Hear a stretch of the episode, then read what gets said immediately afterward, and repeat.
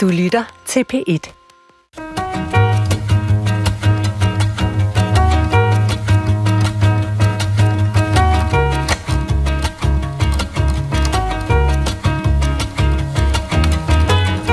Hvad betyder egentlig ordsproget, en fugl i hånden er bedre end 10 på taget? Ja, hvis man ikke vidste bedre, så ville man sige, at det må folk, der kan lide fugle, beskæftige sig med. Der skal en del til for at oversætte et ordsprog til, hvad det egentlig handler om, og den evne er noget af det første, der skrider, hvis man får Alzheimers. Klog på sprog handler i dag om, hvad demens gør ved vores sprog. Og situationen der med at fortolke ordsproget en fugl i hånden er bedre end 10 på taget, det er ikke noget, jeg sådan har grebet ud af det blå. Den er løftet direkte fra bogen Tøsne og Forsytia, noget om livet med Alzheimer, som du har skrevet, Thomas Bredstorff. Velkommen til. Tak. Thomas Bredstorff, altså Tøsne og Forsytia handler jo om dit og din nu afdøde hustru Lene Bredstorffs forløb med Alzheimers. Og man forstår jo med det samme af din bog, at det var din hustrus sprogforståelse, som fik jer til at indse, at der var et eller andet grueligt galt her. Mm. Prøv en gang at tale os igennem, hvad var det, der skete, Thomas?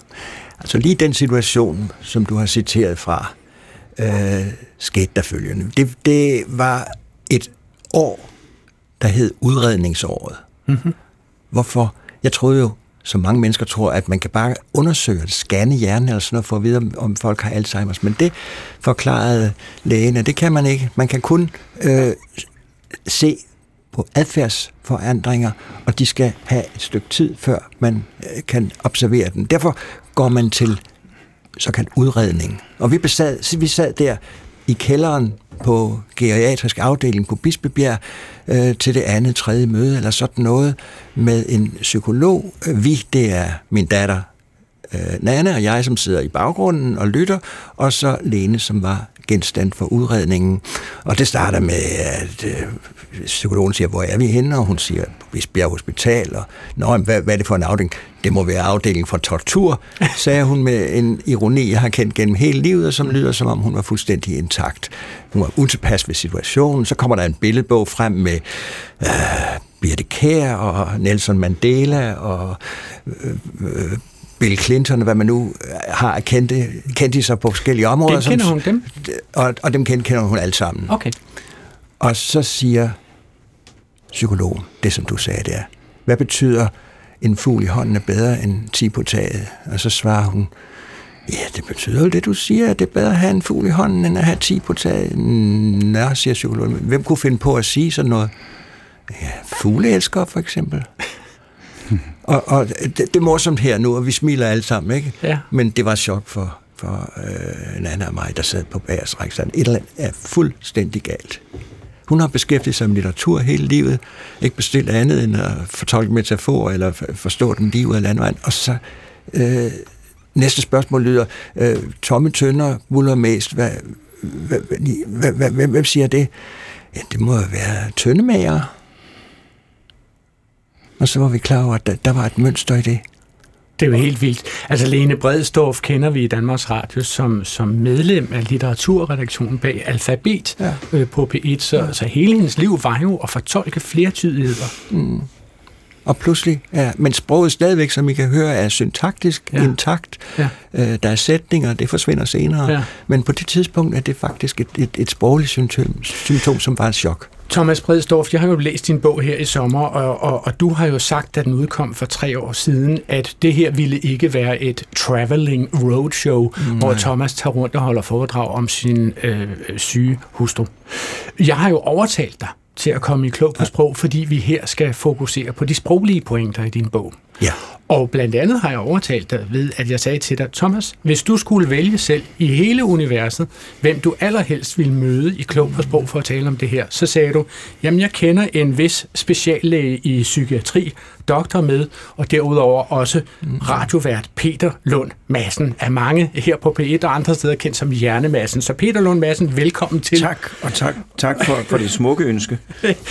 Jamen, jeg er super glad for, at du er her, og, og, og jeg lad mig begynde med at spørge dig, Peter. Altså, hvor store krav stiller det til en hjerne at gennemskue en metafor eller en talemåde? Jamen, det er jo de højeste krav, og det eksempel viser også, at, at Lena er jo i stand til at tænke logisk. Det må være en, der fremstiller tønder. Det må være en, der er interesseret i fugle. Fuldstændig logisk.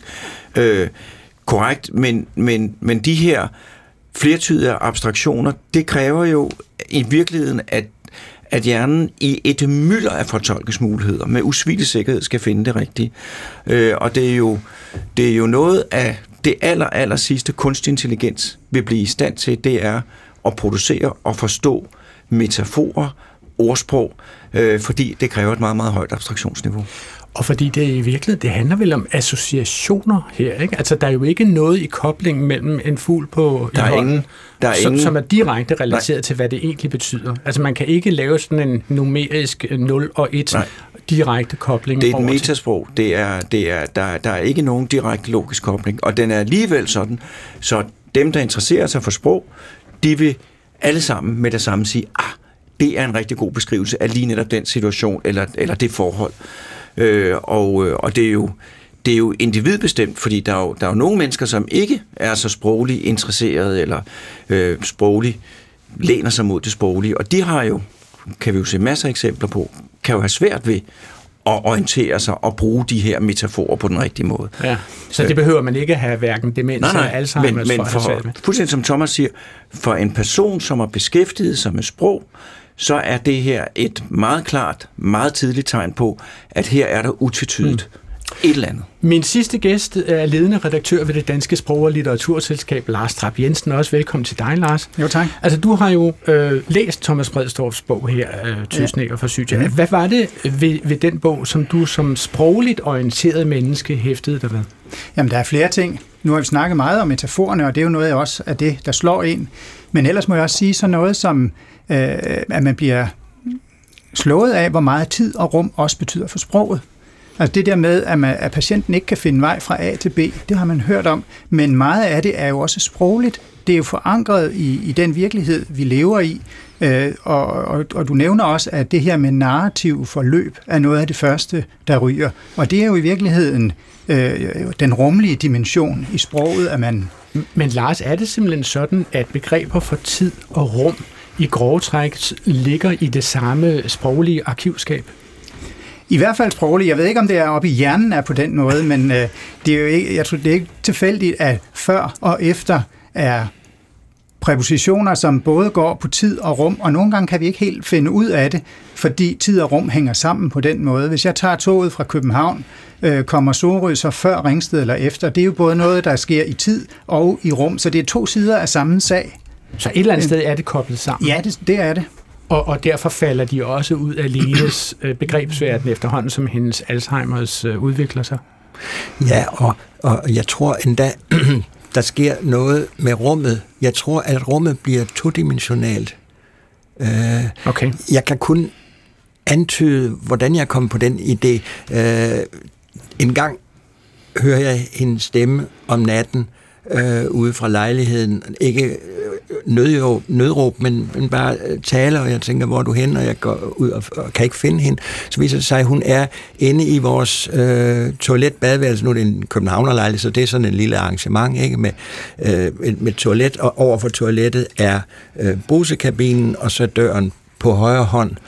Og øh, hun har ikke tændt lyset, og hun har ingen anelse om, hvor døren er. Hun kan kun se lige frem, og, og, og, og kæmper sig for at komme ud ved at gå ind i, i, i brusekabinen. Og der tænker jeg, der, der må være sket noget med, med de tre dimensioner, at de er blevet mm. øh, til to. Rummet bliver en flade mm. for hende. Det er det tydeligste eksempel, jeg har. Jeg kunne komme med flere, men altså, jeg tror, at, at ikke bare forsvinder tiden, men, men rummet forsvinder også.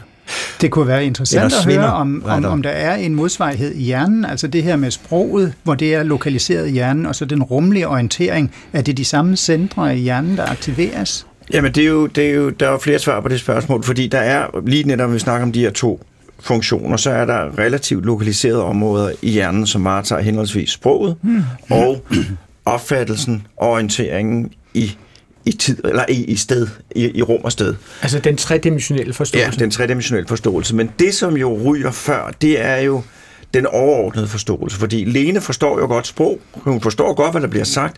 Det er den overordnede øh, abstrakte fortolkning. Og det er det jo også med, med øh, når, når, når man skal finde ud af, komme ud af et toilet, så er det jo ikke bare at kunne se og opfatte det, der er foran en. Det er jo også at have en oplevelse inde i bevidstheden om, at der er noget andet, end det, jeg lige ser. Øh, der er øh, noget mere.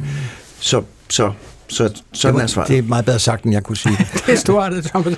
Øh, jeg har glemt at præsentere mig selv, fordi det var så interessant. Hvis nogen skulle være i tvivl, så hedder jeg Adrian Hughes, og vi lytter jo altså til Klog på Sprog.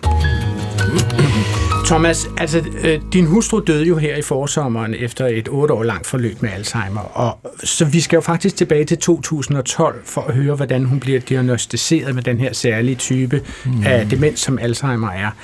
Og, og før I kommer til scenen på Bispebjerg Hospital og kommer til den her langvarige udredning, hvad er det første, du lægger mærke til ved Lenes måde at se på verden på og, og, og få overblik over stof og redigere materiale, som hun jo har gjort hele sit liv? Det er rigtigt.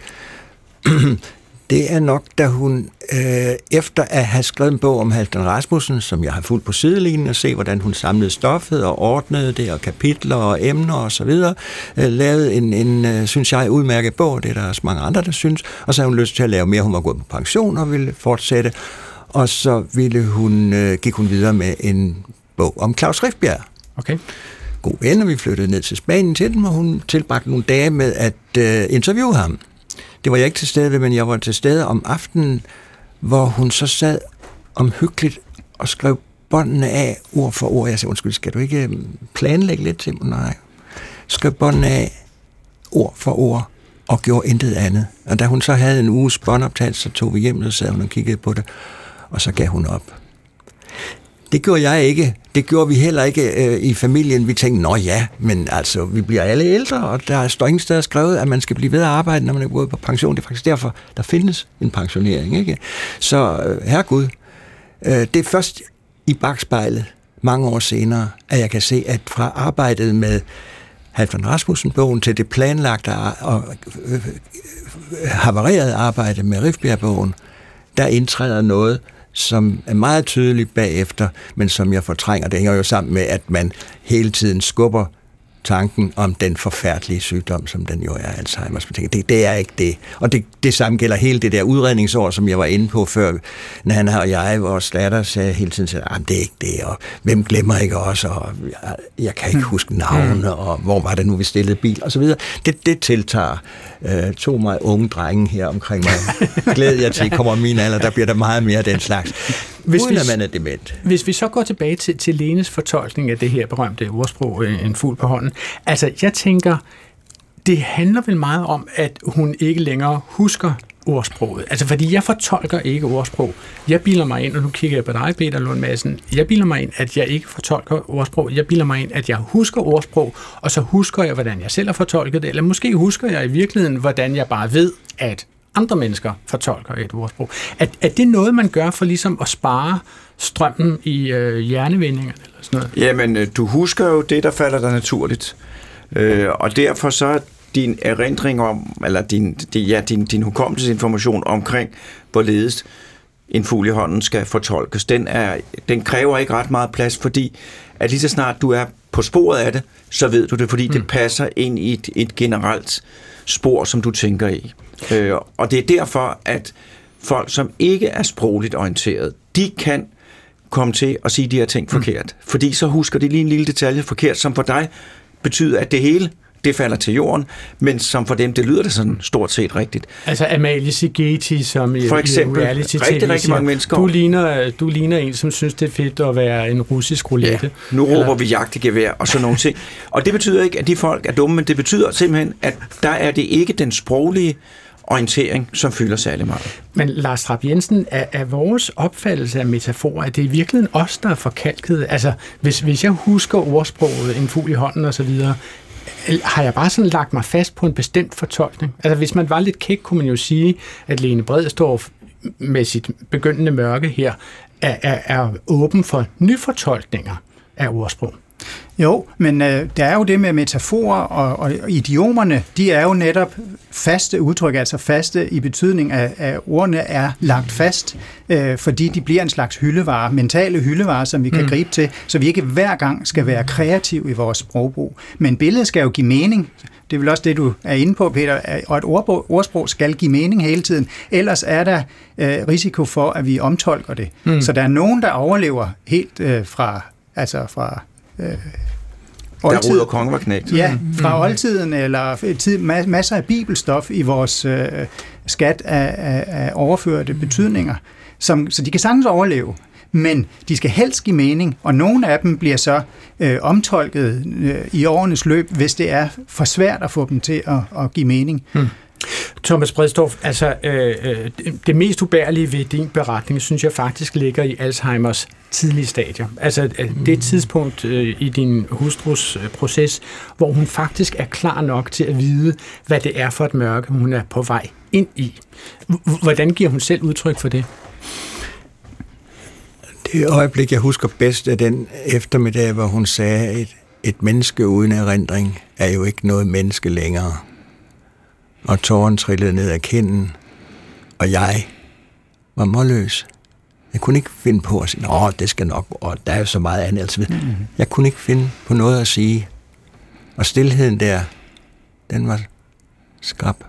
Det er også fordi, det er ekstremt præcist. Øh, Netop. Øh, faktisk den præcision, som hun har haft i sit ja. sprog i, i de 50 år, du og hun havde været gift på ja. det her tidspunkt. Ja, ja. Har, har, I det andre, har I andre det også sådan, at er der en sandhed i, at man kun er et menneske, hvis man er summen af det, man kan huske? Hvad tror du om det, Peter? Jamen, øh, nej, det tror jeg ikke. Øh, det, øh, det, det, det tror jeg ikke. Jeg tror jo, at øh, den periode med, med Alzheimer's for eksempel, der, er man jo, der, er man, der kan man jo være et menneske på nogle andre præmisser, men for os, der er raske, mm. øh, så vidt vi ved, og som står her, øh, så, vil det, så vil det helt klart være en fuldstændig uafvigelig del af min, af min identitet og min bevidsthed, men, men, men, øh, men ikke, ikke objektivt set. Mm-hmm. Men jeg vil da meget nødig miste den ja. selv. Hmm. Du siger jo også flere steder i, by, i bogen, at man kan så få nogle andre værdier, altså for eksempel øh, sætte pris på et billede eller høre et stykke musik. Øhm, ja. Der kan man jo godt fornemme, at hun er glad, og I er glade sammen. Det vil sige, i høj grad er mennesker, men det er bare en anden måde at være det på. Jeg synes også, det er en forfærdelig tanke ikke at have historien med mig, men det betyder ikke, at der ikke er en anden øh, sandhed. Men det betyder vel, at, at identiteten forsvinder. Ikke? Identiteten ja. ligger vel i, hvad vi har haft. Pandora havde det med at skrive flere romaner med en mand, der har mistet hukommelsen. Det, det er vel et godt trick, ikke? fordi så behøver man ikke fortælle læserne, hvad der er gået forud. Så skal han selv fra kapitel 1 ud og, og, og, og finde ud Rigtig af verden. Så er han selv den nye rejsende i sin egen Lige præcis, by, ja. som skal så, lære alt at kende. Ja, nemlig, og så møder han jo nogle gamle bekendte, der så fortæller. Men, ja, så, det, så det er et veldig godt forfattertræk, men det er jo skrækkeligt. Ja. Hvis Peter, jeg er nødt til at spørge, altså ved man overhovedet, hvad det er, der sker op i hovedet ja. med, med den her form for øh, demens, Alzheimer? Ja, nej, altså, jo, Alzheimer, det er faktisk ret præcist, hvad der sker. Øh, der sker det, meget firkantet fortalt, der aflejer sig nogle, nogle, nogle stoffer i hjernecellerne, som får hjernecellerne til at dø. Øh, og det sker diffust, og det er derfor, at det er de mest avancerede hjernefunktioner, der forsvinder. Og så efterhånden, som sygdommen skrider frem, så bliver det de mere og mere grundlæggende ting, som ikke fungerer. Og der er det typisk, som Thomas siger, denne her historie med, at der er noget, man slår det hen, og så er der ofte en begivenhed, hvor man siger, nej, der er simpelthen noget galt. Og det vil afhænge enormt meget af, hvad det er for en person, man er. Det, jeg tror ikke, jeg kan ikke sige men det er, det er tankevækkende alene, som har været sprogmenneske. Det er der, man lægger mærke til det.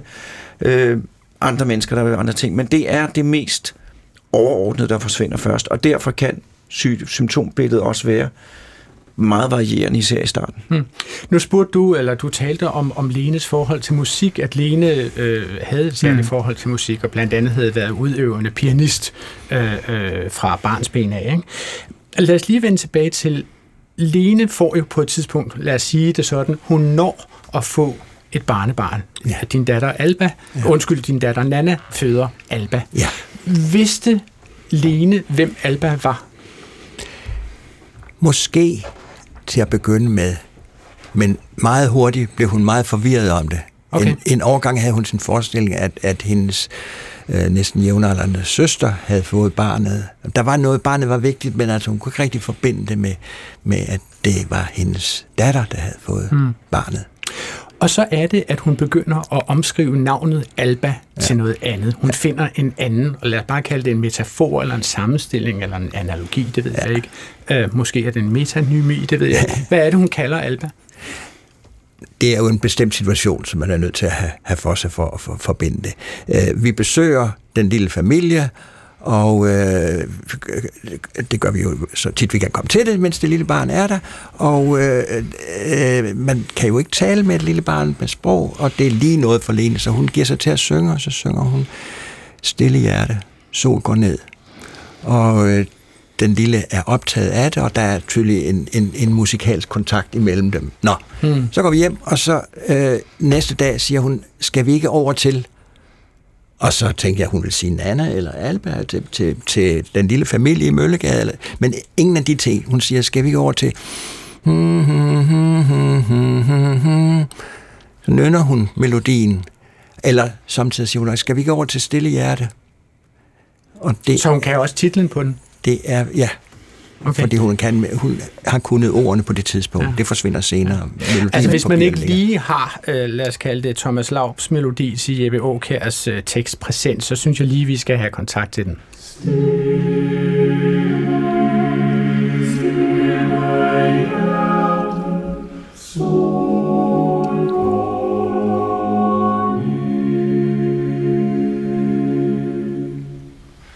Og den har jeg valgt at bringe i, øh, i øh, DR's øh, pigekors øh, meget smukke udgave. Altså, det er vokalensemblet, som synger den her.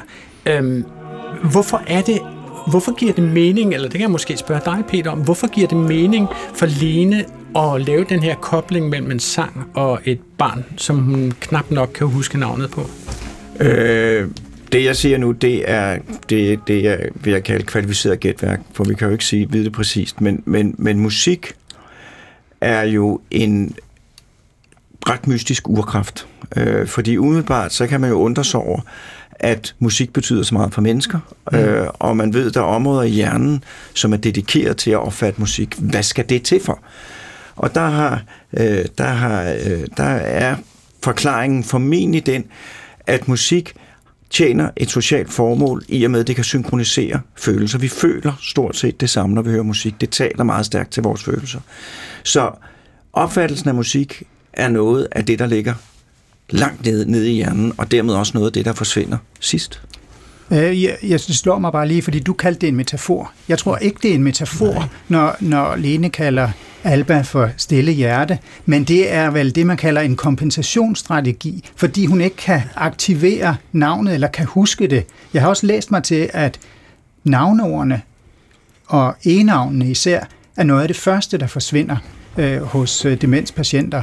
Og, og så er det altså en kompensationsstrategi, fordi man så omskriver det. Mm. Men er, er det simpelthen, fordi ordet alba ikke siger noget som helst i sig selv. Ja, altså, det er jo vi har det jo sådan, når, når folk begynder at navngive deres børn, øh, så, så overvejer de forskellige navne, og så har de nogle associ- associationer til et navn. Hvis de synes, at nogen skal hedde Karsten, eller Karl, eller Magnus, så er det fordi, de kender nogen, som hedder de navne der, og så har de en association til det. Men det er jo noget, man har koblet på senere hen, når man begynder at få et forhold til et navn og en person med et temperament og et udseende. Altså Alba er vel ikke i sig selv noget, som betyder noget for nogen? Nej, det er jo sådan, at øh, enavnene, probrierne, de er rent udpegende. De har ikke nogen betydning. Og derfor er det også noget af det mest overfladiske. Det, det er noget af det, der forsvinder først. Det synes jeg giver, giver god mening. Men, men er det i virkeligheden en meget intelligent ting, som Lene gør her, at hun laver den direkte kobling til en følelsesmæssig tilstand, hun har været i, da hun sang med Alba, tror du, Thomas? Jeg tror ikke, det er så voldsomt intelligent. Jeg tror, det er den anden af de to billedfunktioner, nemlig metonymien. Metonymien er en berøring. Mm. Øh, hvis jeg må være så ubeskeden at tage titlen på bogen, så er det en metonymi og en metafor.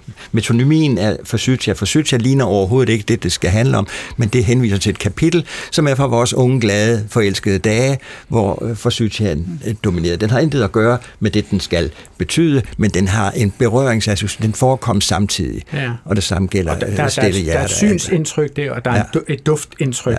Men som... synes derimod, det er en metafor for hjernen, der ja. går i opløs, strukturer, der ja. forsvinder, som frostsne, der bliver til plamager. Ja. Så du siger, at det, hun gør med at kalde Alba for stille hjerte, det er metonymi? Det er en metonymi, ja. Godt. Altså, jeg synes, at vi skal gå til øh, en, en særlig terapiform, som, som Lene fik øh, tilbudt, og det er jo musikterapi. Lad os lige først høre fra dig, øh, Thomas.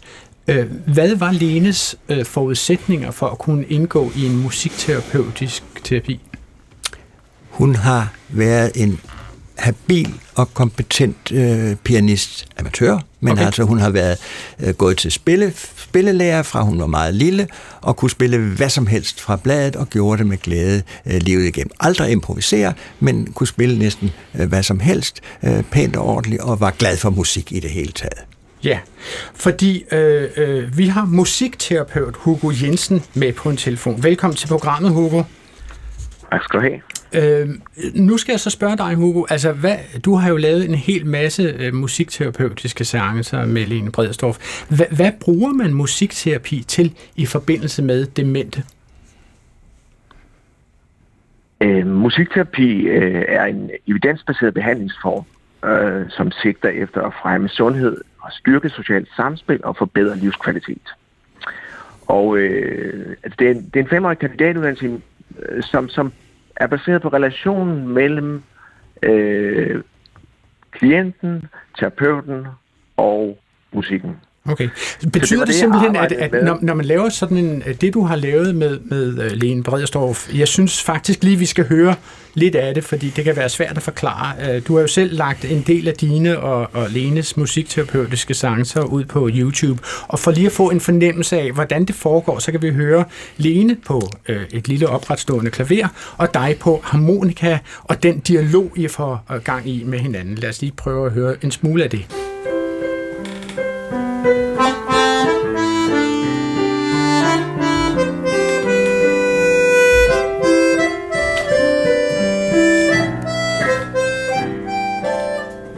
Hugo, er, er, er det her en meningsfuld musikalsk dialog, der kommer op mellem dig og Lene her? Øh, det vil jeg sige, at det er. Lene kunne jo ikke rigtig udtale sig øh, så meget om, hvorvidt hun synes, det var meningsfuldt.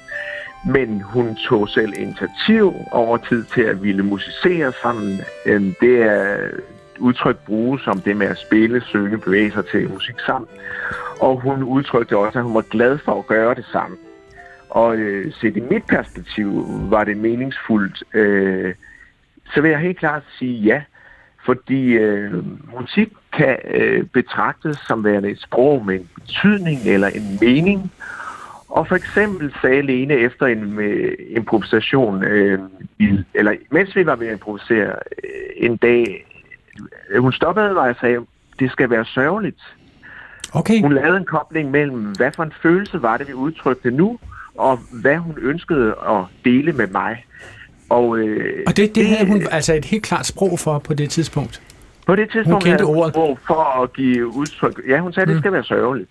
Thomas Bredstorff, øh, må jeg lige høre, altså hvor langt var vi inde i Lenes uh, Alzheimer-forløb her? Altså havde du, uh, havde du almindelig sproglig kontakt med hende på det her tidspunkt?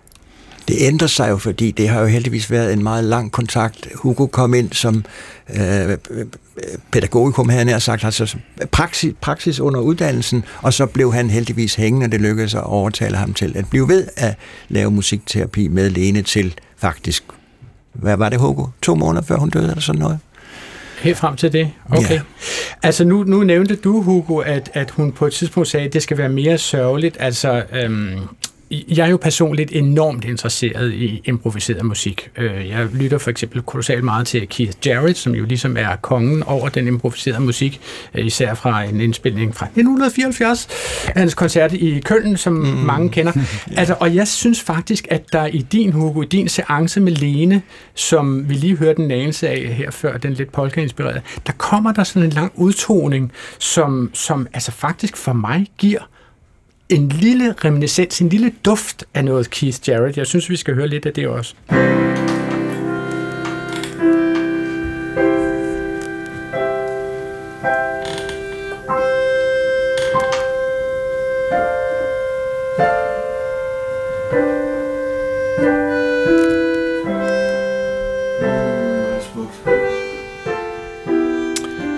Thomas Bredstorff, du har jo sikkert hørt den her musikalske improvisation mange gange. Altså, bliver du, bliver du rørt, ja. når du hører det her? Ja, for søren.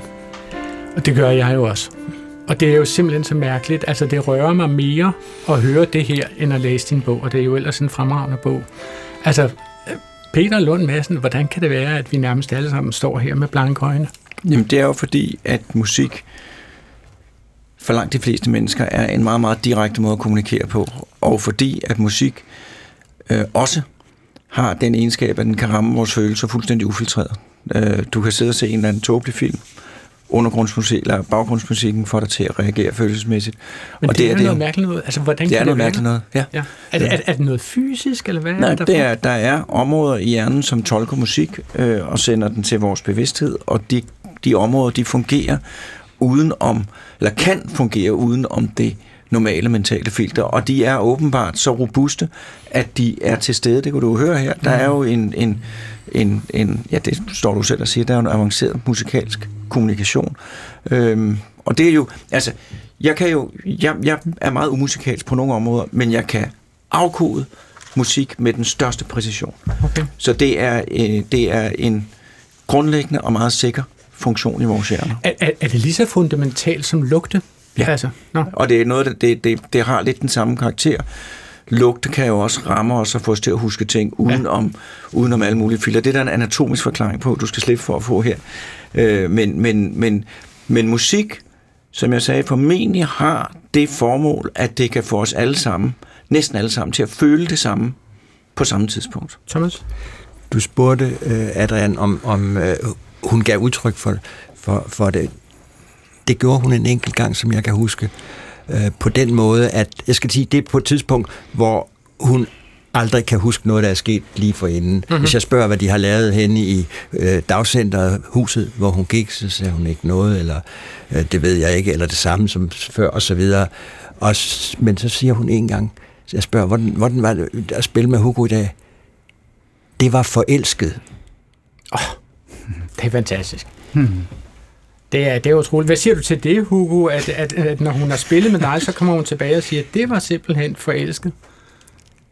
men hun kom til at nyde i høj grad det samspil, der var imellem os. Og, øh, og, og øh, hun havde lyst til interaktionen og kommunikationen. Hmm. Hun havde jo som udgangspunkt øh, ikke længere glæde ved at musicere, at spille, fordi det lød ikke længere rigtigt, og som det skulle i hendes optik. Mm-hmm. Så det blev øh, det, som Thomas har beskrevet i bogen, som et klart musiksprog, hun fandt i interaktionen med mig, det er jo noget, hun kom til at sætte meget pris på. Det kunne være fyldt af liv og humor, og, og alle mulige følelser kunne vi dele i musikken, uden at tale om det. Men, men det, Hugo, må jeg spørge dig, altså den her musikterapi, som hun Lene fik, kunne den stanse eller udbedre Alzheimers? Altså satte den ligesom Alzheimers udvikling en smule i stå?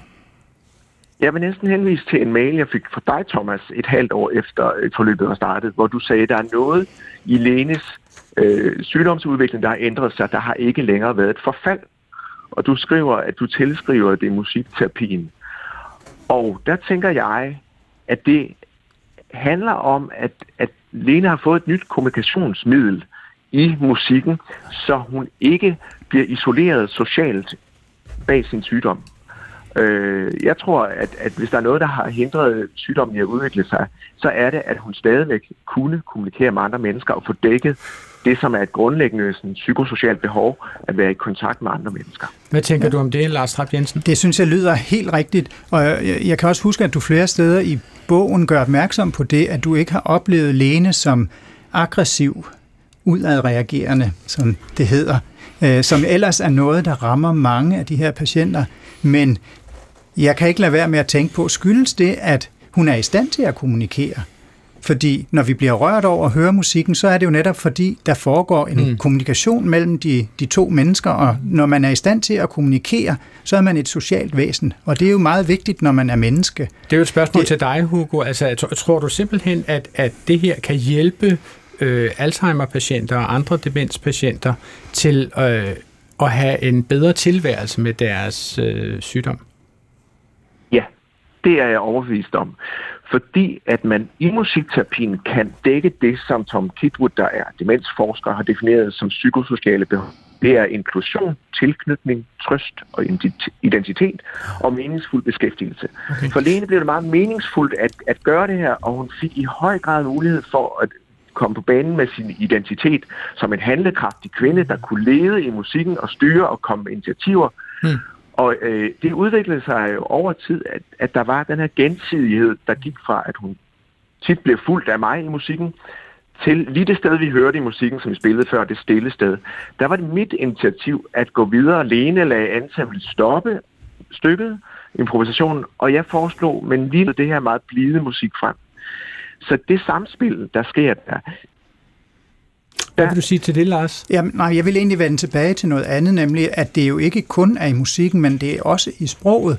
Og derfor synes jeg, at det alene bruger stille hjerte for sit barnebarn, det er jo en god strategi, fordi det tillader hende at opretholde kom- øh, kommunikationen. Hvis mm. man ikke kan tilgå de ord, man har brug for, så er, det tror jeg alle kan genkende til, så bliver man frustreret og stamper i gulvet. Men, Hvis man kan så omskrive det på en eller anden måde, for eksempel det her, eller sige, jeg har været i Italien i, i sommerferien og ikke kan komme på mm. Italien, hvis man så kan sige støvlelandet eller pastalandet eller hvad ved jeg i stedet for, så kan kommunikationen fortsætte. Men lad os lige øh, øh, runde musikterapien af, Thomas. Ja. Øh, hvilken indvirkning havde det på dig, at du hørte Lene gå i dialog med Hugo, altså for eksempel i det her stykke, som vi har hørt her? Ja, altså først og fremmest blev jeg jo glad over at se, at hun var glad. Og, og du spurgte før, kan det stanse øh, udvikling? Det kan det selvfølgelig ikke. Men det kan give nogle lyspunkter. Øh, der, der er mange, der taler om det vidunderlige, der kommer frem, når kulturen forsvinder og, øh, og naturen dukker op. Jeg har kun set det på det ene område, musikken. Og, og helt præcis Malene, som altså som sagt var en kompetent pianist efter noder. Og for første gang i sit liv kan hun spille uden noder, det vil sige udtrykke sig selv øh, med, øh, med tonerne. Mm. Og så spørgsmålet om aggression, som vi var inde på. Det, det var jo min redsel. Jeg, når man får sådan en sygdom i familien, så giver man sig jo til at læse. Og mm. det, man ustandsligt læser om, det er det, der med en smuk omskrivning hedder udadreagerende. Og som betyder sparke og spytte og skælde ud og hvad satan og sådan mm. noget, ikke? Det har vi været så lykkelige at slippe for, Nana og jeg, mm. og Lene også. Det kan være begrundet i hende, det kan være begrundet i Hugo, og det er bestemt også begrundet i kvaliteten af det plejehjem, Klarhuset det dengang, nu hedder det Lindehusene, hvor Lene var til det sidste, med plejere, med en omsorg og en empati, som man fatter ikke, at det finder sted. Og det er så godt at få sagt i en tid, hvor alle tror, at det er ligesom på et plejehjem på Randers, hvor de har haft et skjult kamera. Hmm. Der er virkelig andre måder at drive plejehjem på. Jeg har ikke oplevet andet end en meget, meget stor empati, indlevelse, øh, dygtighed, faglig dygtighed. Og man kan sige, at en stor del af den her ros, Hugo, går i hvert fald også i din retning. Hugo ja. Jensen, tusind tak, fordi at du vil være med i Klog på Sprog her i dag. Ja, tak. Og I lytter jo altså til Klog på Sprog, programmet, hvor vi ser på verden gennem sprogets linser. I dag har jeg øh, besøg af forfatter og professor emeritus Thomas Bredstorff, speciallæge i psykiatri Peter Lund Madsen, også kendt som Hjernemassen, og af ledende redaktør ved det Danske Sprog- og Litteraturselskab Lars Trap Jensen. Øh, Thomas Bredstorff, lad os vende tilbage til din hustru Lenes forløb. Vi talte om det lige før, altså at hun, hun bruger øh, ordet stille hjerte for Alba. Det lyder også som for mig som om, at du og hun i virkeligheden udvikler et fælles sprog i den her krise, jeres forhold er ude i. Altså, I får nogle bestemte koder til at sige nogle bestemte ting til hinanden. Er det rigtigt? Mm, knap nok. Altså, det der er jo koder, men koder, som vi kan dele med andre omgivelser, kan jo også høre det, og mm. det kan blive forstået, når man, når man, man læser det. Der kommer jo meget hurtigt derefter en fase, hvor jeg ikke forstår et ord af, hvad hun siger. Mm. Jeg, jeg satte mig for at, at skrive det ned og opdagede, at hvis jeg ikke gjorde det på stedet, så kunne jeg ikke uh, reproducere det. Hvis jeg giver nogle eksempler, så er jeg nødt til at læse det højt, fordi de forsvinder. Altså, det handler om, at hendes sprog simpelthen ganske langsomt går i opløsning? Eller hvad? Jeg prøver at bedømme. Altså, ordene er der, men syntaksen og meningen er væk. Jeg skal ind til den anden, fordi den er bedre i hamlen. Eller, hvordan skulle jeg forestille, at jeg skulle sidde det på? Når de så først ud til et eller andet, og så bum bum, tænk det, hvis man kunne et eller andet, hvis huset, at de kommer aldrig nogen. den slags sætninger. Det, og man kan jo sige, du er jo så litterært et menneske, Thomas, at du er nødt til at skrive det her ned for overhovedet at holde sammen på ja, sådan en sætning. og det, jeg tror der heller ikke er nogen af jer vil kunne gengive dem nu. Jeg kan heller ikke selv. De, de, de er så mærkelige.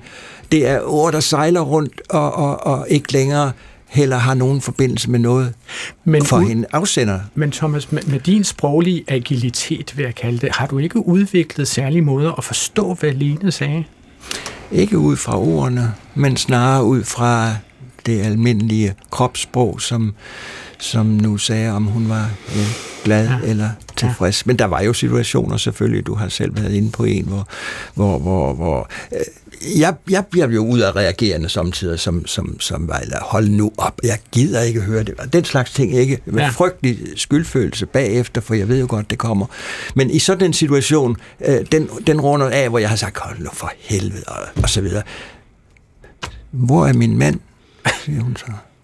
Hun står simpelthen og siger til dig, hvor er min mand? Ja, der er pludselig... Ja, hun genkender ikke den sætning, som... Ja. Ja. Altså, Thomas, det, det, det er jo sådan et, et pludseligt øjeblik, hvor du altså i virkeligheden får kontakt til den gamle Lene. Ja. Midt i det hele. Ja. Det er da, det er da helt sker. Det er tit, at, at, at den, den rigtige Lene lige pludselig dukker op ud af togene. Ja, og, og øh, det sker jo også. Øh, ironi var en stor øh, side af hende øh, i hendes øh, bevidste del. Øh, jeg opdagede på et tidspunkt på plejehjemmet, at hun ikke længere øh, identificerede mig med, med sin mand. Og det samme galt vores datter. Hun var ikke klar over, hvem vi var. Og det opdagede jeg ved, at nogle venner, der ikke havde været derovre, øh, kom første gang og beskrev, hvor I... Gud, jamen det er jo sådan, hun tager mod mig. Så gik jeg over og sagde, hvad hedder jeg? Nej, du ved da godt, hvad jeg hedder. Nej, heldigvis. det er jo hårdt sagt. Det er måde at slippe ud af det på. Ikke? Ja. Men altså, øh, øh, jeg spekulerer også på, hvor, hvor meget Lene har været sådan desperat efter at, at holde fast i en eller anden form for normalitet. I din bog, Thomas, der beskriver du øh, Lenes reaktion på Omar el-Husseins attentat på, på Krudtønden øh, og synagogen i København der i 2015. Prøv lige at beskrive for os her i radioen, hvad er det, der sker for Lene der?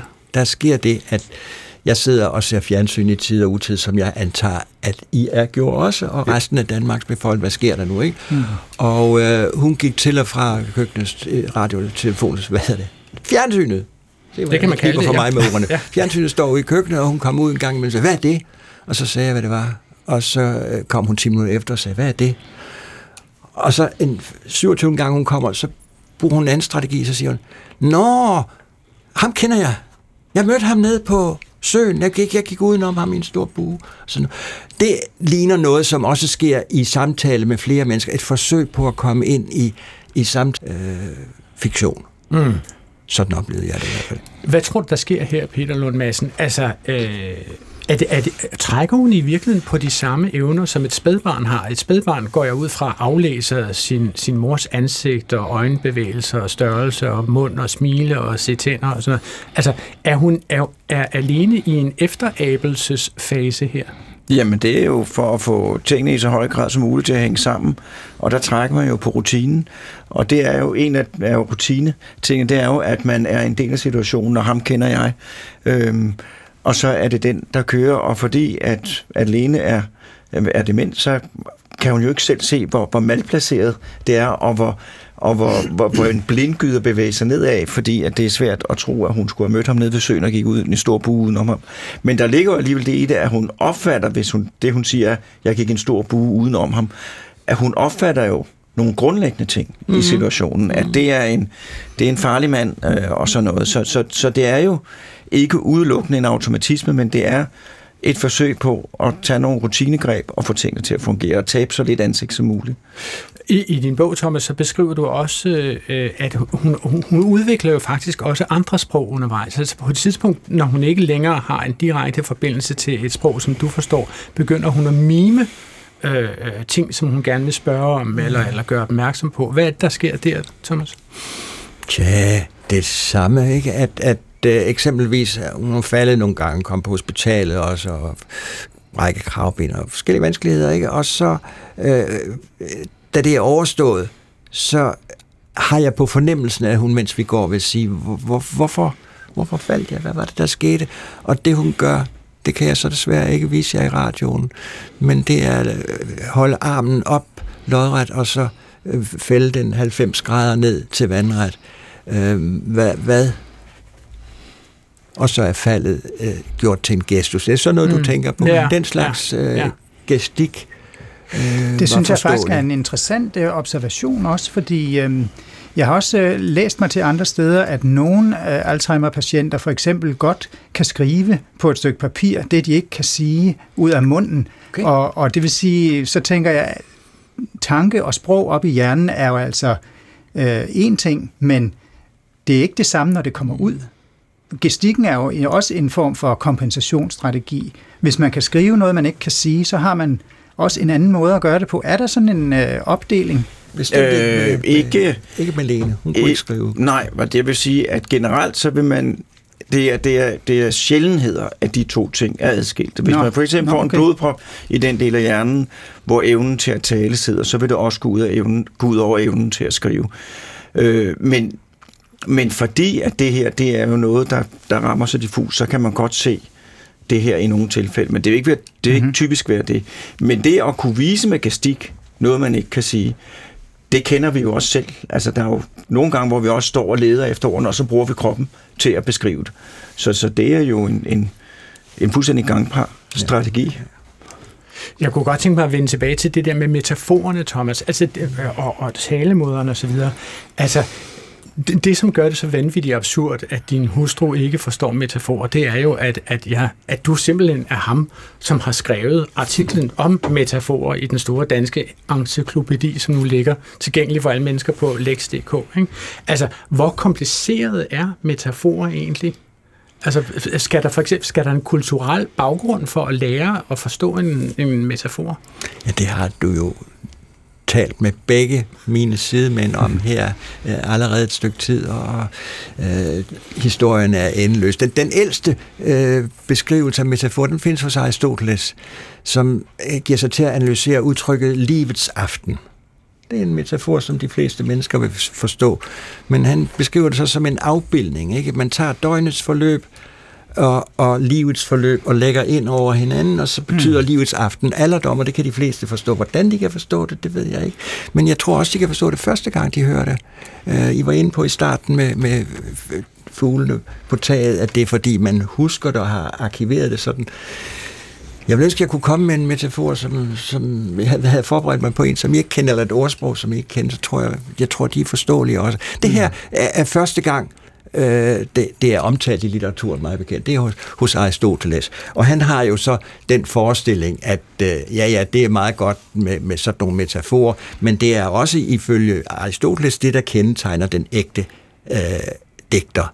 For dette er det eneste, man ikke kan overtage fra andre, men det er et tegn på naturbegavelse. Det at danne gode metaforer beror nemlig på at have et øje for den træffende lighed. Det var sådan en definition af, af Men skal man for eksempel være jæger-samler øh, for at forstå, hvor dejligt det er at nedlægge en saftig hjort? Altså, øh, er, man, er, er alle metaforer afhængige af, hvor man befinder sig i forhold til, om man kender en smørdrittel eller ej? Det er et svært spørgsmål, men jeg kan da øh, give et eksempel, som vi har talt om tidligere også på. øh, Der kommer en, der kommer en bevægelse øh, i i det 20. århundrede, som hedder den kognitive metaforteori, som siger lige modsat øh, Aristoteles, at øh, de interessanteste metaforer, det er dem, man kalder de døde metaforer, nemlig dem, der er alle vegne. For eksempel, mm. han er helt nede i kulkælderen. Mm. Det forstår alle som han er i dårlig humør, mm. øh, og sådan er det også på alle sprog, deprimeret, trykket ned, nedtrykt, øh, øh, det, det, det er på alle sprog. Haha, sagde de så, nu har vi noget, som, som er en forbindelse mellem naturkræft, natur, vores naturlige øh, betingelser, nemlig tyngdekraften. Øh, når man er sund og rask, så er man oprejst, og ellers så synker man sammen. Nå, øh, så op er godt, og øh, ned er dårligt. Og så øh, tænkte jeg, okay, det lyder overbevisende. Der, der er noget, der er universelt. Så var jeg øh, lærer på Elisabeth Dussafik, øh, Universitetet i Nuuk, i metafor, og jeg har det store privilegium deroppe at kunne øh, undervise på mit eget sprog til nogen, der taler mit eget sprog og har en helt anden kulturel baggrund. Det findes ikke andre steder. Så det er en gave at være deroppe. Og jeg sagde det der med, at øh, op og ned, så sagde de, sådan er det da ikke her. Altså, øh, det gode liv, det er ned, og det onde er op. Hvorfor? Og så resonerede vi over det, så kom vi frem til, at det må skyldes, at den gode mad, den er dernede. Der er de gode dyr. Dem henter man op nede fra mens de har også problemer med at komme regn fra det høje, når de synger hen i kirken i godt håb. Øh, for hvad skal, det, hvad skal man med regn på, på klipperne? Altså der er det pludselig vendt op og ned på det, fordi det gode er nede, hmm. og det onde er op. Peter, du har jo også du har sagt tidligere her i programmet, at det her er det første, øh, som forsvinder øh, mm. for, for et, et hoved som Lenes, selvom hun har beskæftiget sig med metaforer hele sit liv. Og det bliver også det sidste, computerne lærer. Kan du uddybe det? Jamen det er jo, det er fordi, det kræver jo en ekstrem abstraktionsevne, øh, og det er jo alligevel et sprog, der fungerer med en usvigelighed. Grunden til, at vi har metaforen, det er jo fordi, de er effektive. Det er jo fordi, at man med et eksempel, eller med en sætning, kan beskrive noget, som, som er meget mere vidspredt. Så, øh, så, så det er det kræver en meget stor abstraktion. Og der er jo det der gamle kunstig intelligens, at, at testen på, om en kunstig intelligens er blevet lige så god som en menneske, eller lige en menneskelig, det er jo, at man kan sidde og konversere med den kunstige intelligens, uden at man opdager, at det ikke er et menneske, man taler med. Og det er fordi vores sprog indeholder enormt mange koder, som bunder i en abstraktion, som er meget, meget høj. Hmm. Lars? Ja, det var til det, du nævnte med, med, om metaforerne er bundet af den kultur og det sprog, de opstår i. Det tror jeg ikke. Det er ikke sikkert, de er universelle øh, fordi der er stor forskel på sprog, men det er jo noget med, at det skal kunne give mening øh, for en menneskelig erfaring, øh, og noget af den er selvfølgelig kulturel.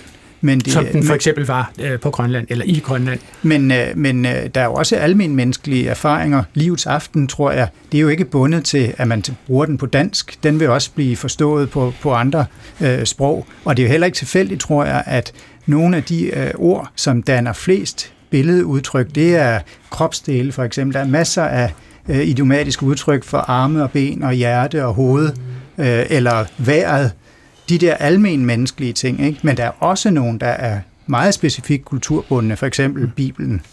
Må jeg spørge dig, Thomas, altså vi nærmer os jo programmets afslutning her, altså hvornår sagde du egentlig farvel til den Lene, du kendte? Hmm.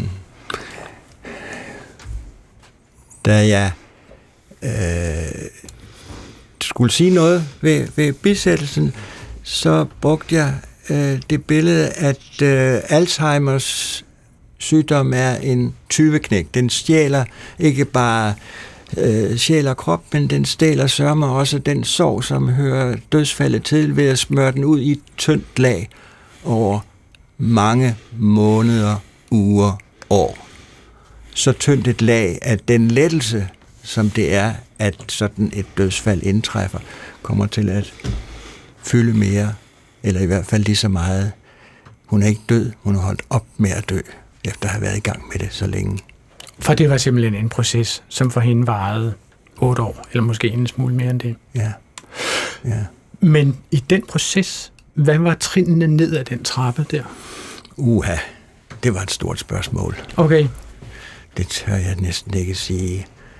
Øh, det, det, det var gradvist, som sagt, der var, der var korte stunder, hvor det gik lige ud eller lidt opad, Først og fremmest med musikken, først og fremmest med de gode, empatiske plejere, mm. men ned ad bakke går det. Men må jeg ikke sige noget, jeg har oplevet af at komme, jeg har gået oplevet herfra i dag efter Nå, al den sorg, og det er, at, at, at Peter fortæller os, at computere ikke kan forstå øh, metafor. De er demente. Ja, det er de. Hvor dejligt det er nu i hvert fald. Ja. Så i virkeligheden så er computere faktisk vanvittigt dumme stadigvæk et, nogle, nogle 10 år endnu. Ja, de er dumme til at være mennesker. Mm-hmm. Øh, og i det øjeblik, de bliver gode til at være mennesker, så... Øh, så skal vi passe på. Det er jo det eneste, jeg rigtig frygter. Men indtil videre, så er de rigtig dårlige til at være dumme til at være mennesker. Hvor dejligt. Ja. okay. Men, men jeg forestiller mig, Thomas, at, at der må alligevel have været nogle trin, hvor du... Øh, altså først så bor hjemme, så kommer der et tidspunkt, hvor man skal tage stilling til, om hun egentlig skal på plejehjem eller ja, sådan. Ja, nemlig. Ja, ja. Og så kommer igen et af de der glimt, som, som, som, som jeg ved, du har festet dig ved, at, at vi sidder rundt omkring et bord, alle disse indlevende myndighedspersoner siger, at det vil være så godt, øh, at du kommer en uge på aflastning, og øh, det, det, er alt det der, hun sidder og kigger på det. Starter med at sige, ikke taler om, kigger på det, og så går vi stille hjem bagefter, og så er det, hun siger, hvis det er så godt, som I siger det, så synes jeg, du skulle flytte derud en uge, så bliver jeg hjemme. Igen en ubestridelig logik, ikke? Ja.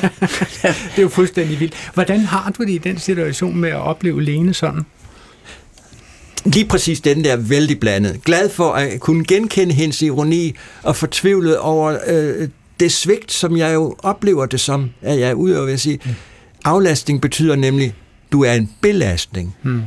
Jeg er for belastet af dig, så derfor må jeg aflastes. Det er jo det, er jo det som man prøver at omskrive i den der her af mennesker, som prøver at beskrive, hvor dejligt det er. Og så kommer okay. der så lige et glimt, og siger, det hun sagde der. Og i forhold til det, vi sagde i starten med, at det her ikke bliver et traveling Lene Bredstorff, Thomas Bredstorff show, ja. så er det her måske i virkeligheden det sidste ord, du siger om Lene i Rathov? Ja, det tror jeg, fordi, øh, og det første var også sammen med Peter V. Inden bogen udkom, havde vi aftalt øh, sådan en møde. Da det så havde fundet sted, øh, så fandt jeg ud af, at aldrig mere. Så de mange opfordringer til at holde foredrag, de har fået nej. Og det får alle andre også herefter.